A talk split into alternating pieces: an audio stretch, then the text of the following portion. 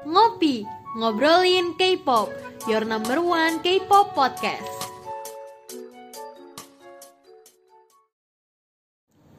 Hai hai hai, anyong anyong, kembali lagi di Korea Time bersama aku Haura.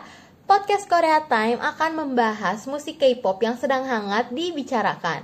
Pada episode kali ini aku mau bahas girl group baru. Sebenarnya walaupun lagi pandemi kayak gini, banyak banget girl group yang baru debut kayak Stacy dari High Up, terus ada juga Weekly dari Play M.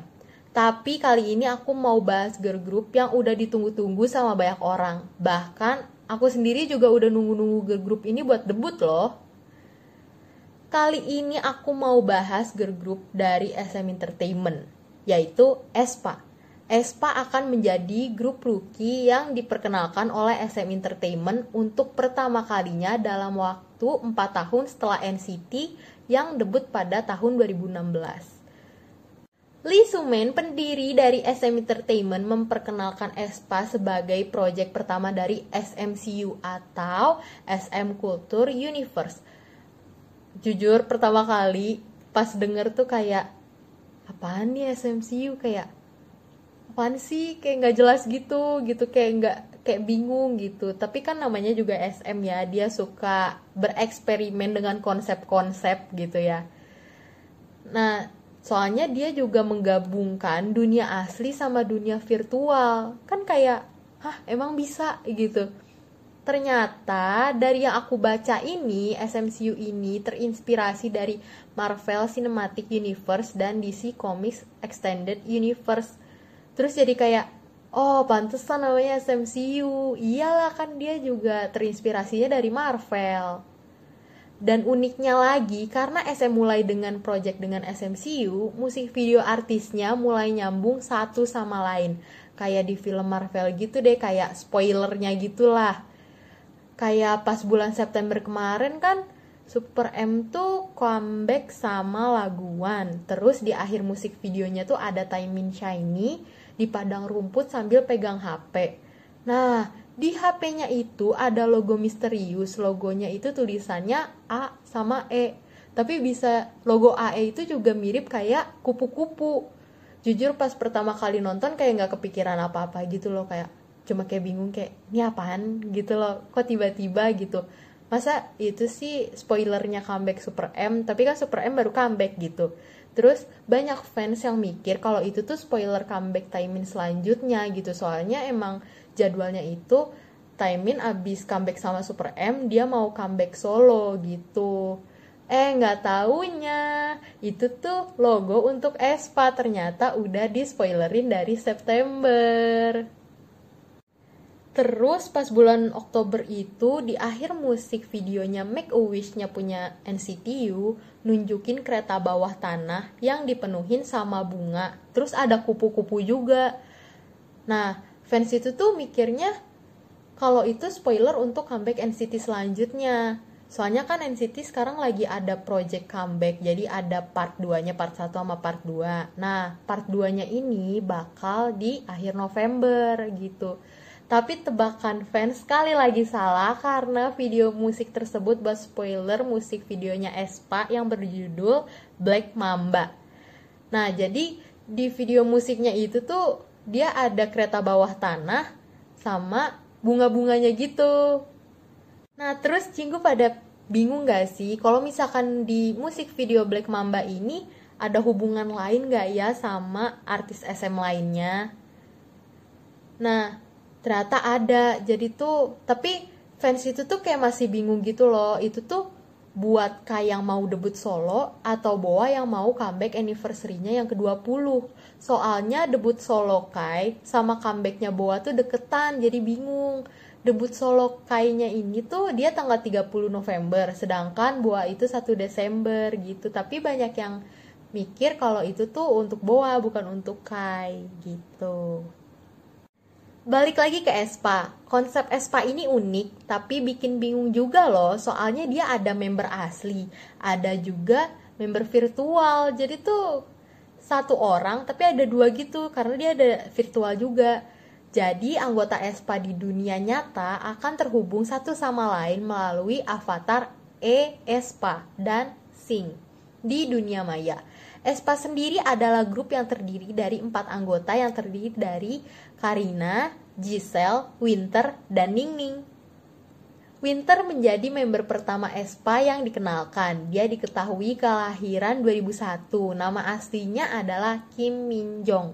Dia berasal dari Korea Selatan dan posisinya dalam grup sebagai lead dancer, visual, dan lead vokal. Waktu aku pertama kali lihat foto Winter, aku juga langsung yang kayak, wah dia cantik banget, dia juga mirip Taeyeon.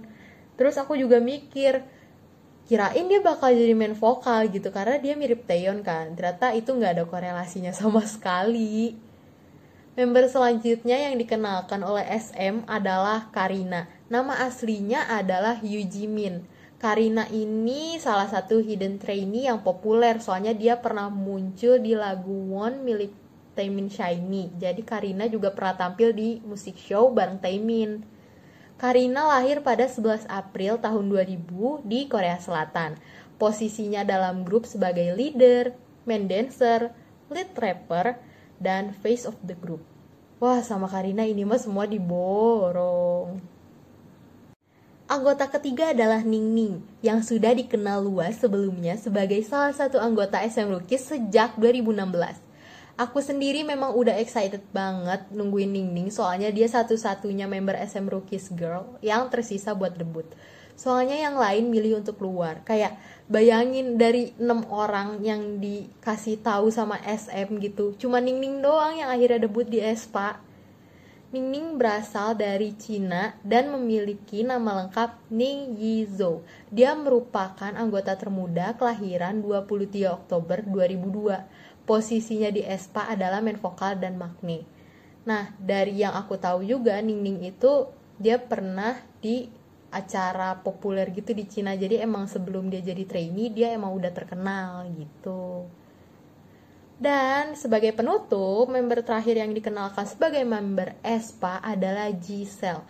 Giselle berasal dari Jepang dengan nama asli Airi Uchinaga.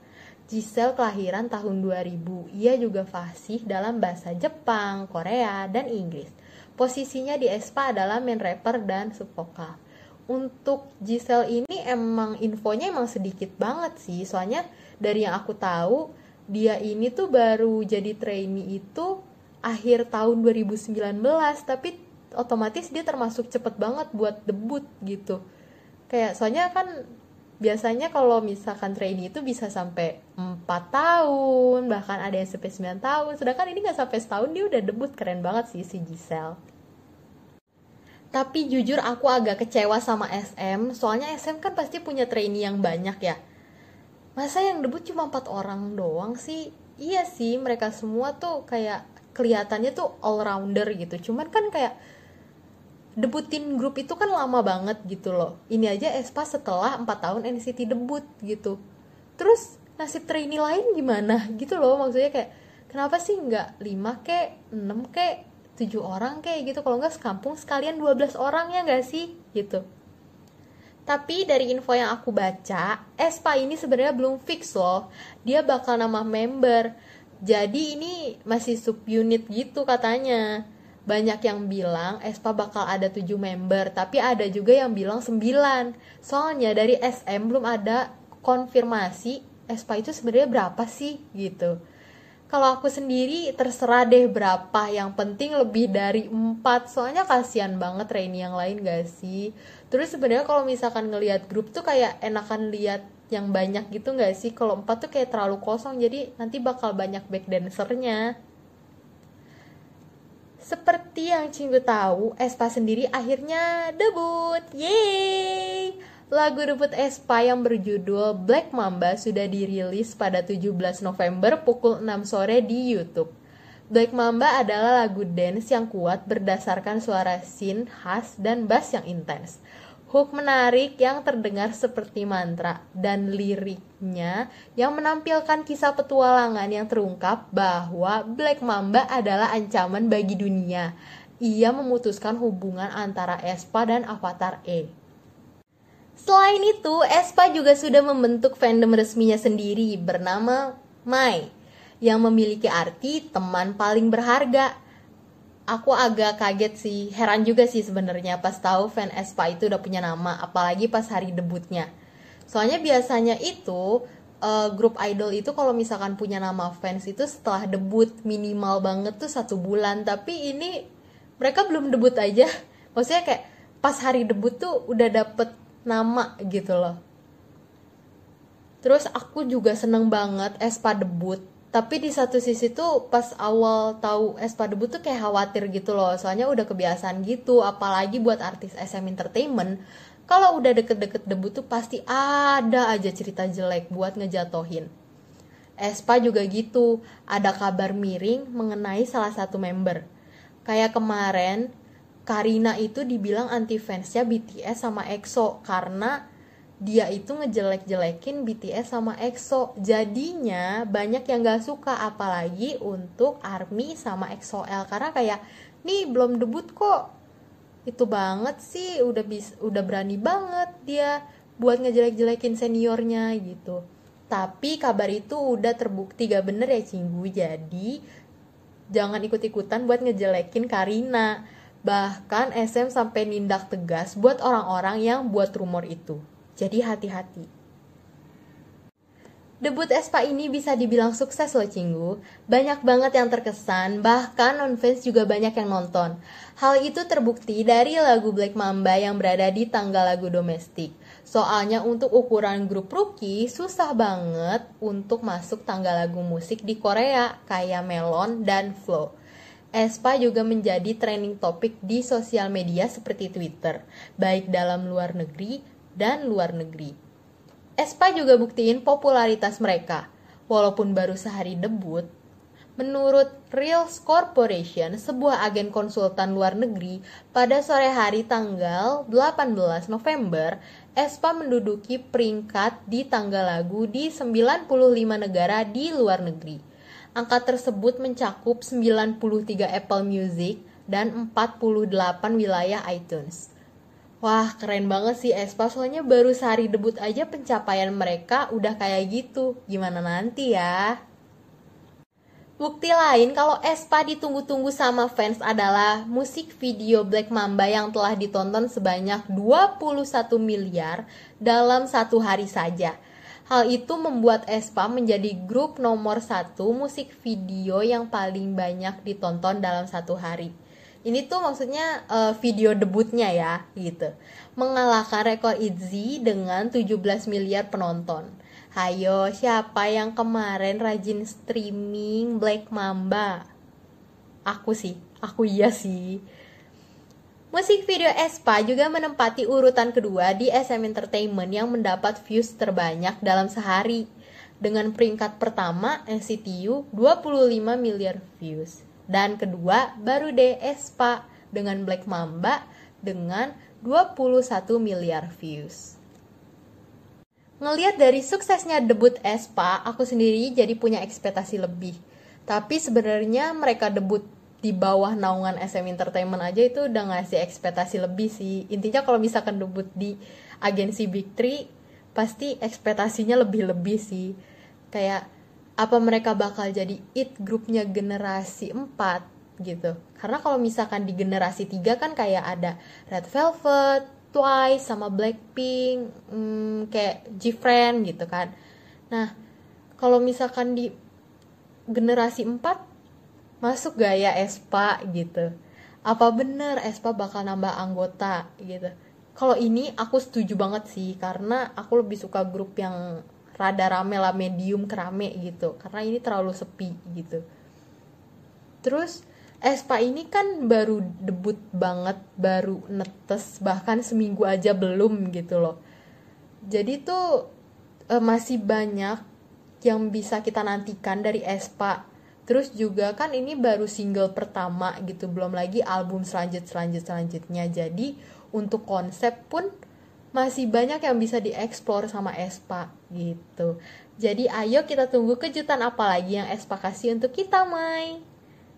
Nah, itu dia tadi bahasan Espa untuk episode kali ini. Sampai ketemu lagi di episode selanjutnya.